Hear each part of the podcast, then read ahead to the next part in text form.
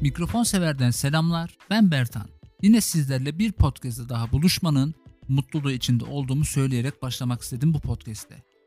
Efendim bu podcast'te biraz ruhumuzun bizi nasıl yönlendirdiğinden, seçimlerimizi neye göre yaptığımızdan, hayatımızda aldığımız kararları neye göre aldığımızdan, bizim için bir şeylerin değerli olup olmadıklarına karar verme kıstaslarımızın neler olduğundan, aslında özgür irademizin gerçekten var olup olmadığından, ruhumuzun isteklerimizi e, kendi daha doğrusu kendi isteklerini nasıl yönlendirebiliriz?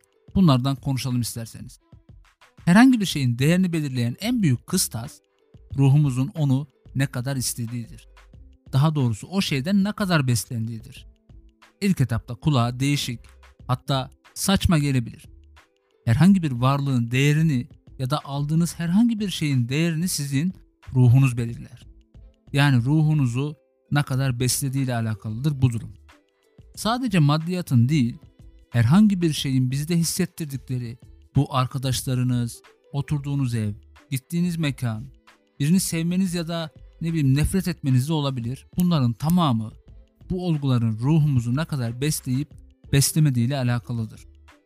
Mesela bir kıyafet aldığınızı düşünün, çok beğendiniz ve gardırobunuzun en değerli parçası olacağını düşündünüz. Nihayetinde de aldınız. Ve bir gün arkadaşlarınızla buluşmak için bir yere giderken bu kıyafeti giymeye karar verdiniz. Kıyafetinizin çok güzel olduğunu düşünüyorsunuz ve iltifat geleceğini umuyorsunuz. Ama o da ne? Çevreden kıyafetinizle ilgili kötü yorumlar gelmeye başladı. O kıyafet artık sizin için değersizleşmeye başlayacaktır. Şimdi önemli olan benim ne düşündüğüm diyenler olacaktır elbette. Ancak hadi itiraf edin, çevredekilerin de kıyafetiniz hakkında ne düşündüğü önemli. Çevredekiler kıyafetiniz hakkında kötü yorumlar yapmaya başladığı andan itibaren ruhunuz o kıyafetten hoşnut olmamaya başlayacaktır ve ruhunuzun beslenmediği herhangi bir varlıktan sizin hoşnut olmanız pek de mümkün değil. Belki erkekler bu durumu pek umursamayacaklardır ancak bu mizaçla alakalı bir durumdur ve insan nedir podcastinde de bahsettiğim gibi mizaç doğuştan gelir ve değiştirilemez. Ve mizaç dediğimiz şey aslında ruhumuzun beslenme kriterlerini belirleyen şeydir. Erkekler için de kıyafet örneği yerine araba örneği verilebilir. Bu örnekler her mizaca göre farklı değerlerle değiştirilebilir. Bir şey alırken, arkadaşlık kurarken, birini severken, kısacası tüm durumlarda seçimleri aslında ruhumuz yapmaktadır. Ruhumuzu besleyen şeyler bize güzel, sevimli ve çekici gelir. Mesela herkesin sevdiği film türü farklıdır. Kimi korku filmi sever, kimi romantik filmleri, kimi komedi filmlerini. Bu bizim mizacımızla alakalı bir durumdur ve ruhumuzun beslenme kriterlerini belirleyen mizacımız doğrultusunda ruhumuz kendisini besleyen türü benimser ve ondan hoşlanır. E hani bizim özgür irademiz? Mark Twain'in de dediği gibi insanın özgür iradesi yoktur. Ruhun iradesi vardır. Bu yüzdendir ki aşk çoğu zaman mantığın önüne geçer. Aynı şekilde hayattaki amaçlarımızda ruhumuz belirler. Yani bu bizim hayattaki amaçlarımızı ruhumuz belirler. Kimimiz sakin bir hayat kurup rolantide yaşamayı sever. Kimimiz uç noktalarda yaşamayı. İşte bu iki hayat tarzı arasında seçimi yapacak olan şey de gene ruhumuzdur. Hali hazırda ruhumuz kalıcıdır. Bedenimiz ise geçici. Bu yüzden olsa gerek ki sonsuz olan geçici olana hükmetmektedir. Peki ruhumuzun tercihlerini değiştirmek mümkün mü? Evet. Mizacımızın el verdiği kadar mümkün. Bu da bizlere yeni ufuklar açacak ve beynimize yeni seçenekler sunacak etkenlerle mümkün olabilir. Bu etkenler de öyle kendiliğinden oluşmaz. Bu etkenleri beynimize yüklememiz gerekir. Bu da çevreyle, eğitimle, e, yeni bilgilerle mümkün olabilir. Çok güzel bir söz var. Kitaplar beynin çocuklarıdır diye.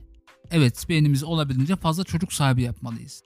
Bizlere yeni ufuklar açacak, ruhumuza yeni seçenekler sunacak bilgileri sağlamanın en güzel ve en kolay yolu kitaplardan geçer. Yeni ufuklar açmak demişken bu konuda yaşanmış kısa bir hikayeden de bahsetmek istiyorum. Bir öğretim görevlisi Afrika'da ilkel kabileleri araştırmak için bir gezi planlar ve Afrika'ya doğru yola çıkar. Orada ilkel bir kabileyle Nangoro kabilesiyle karşılaşır. Nangoro kabilesinin üyeleri bu kişiye daha önce hiç görmedikleri bir hayvan görmüş gibi muamele yaparlar.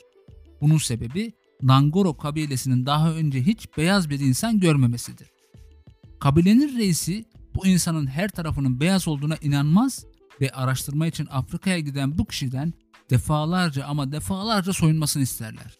Bu kabiledeki hiç kimse dünya üzerinde beyaz insanların yaşadığı yerlerin olmasına ihtimal vermezler. Çünkü daha önce beyaz bir insanla karşılaşmadıkları için beyinleri bunun imkansız olduğunu, böyle bir şeyin olmasına imkan olmadığını dikte eder bunlara.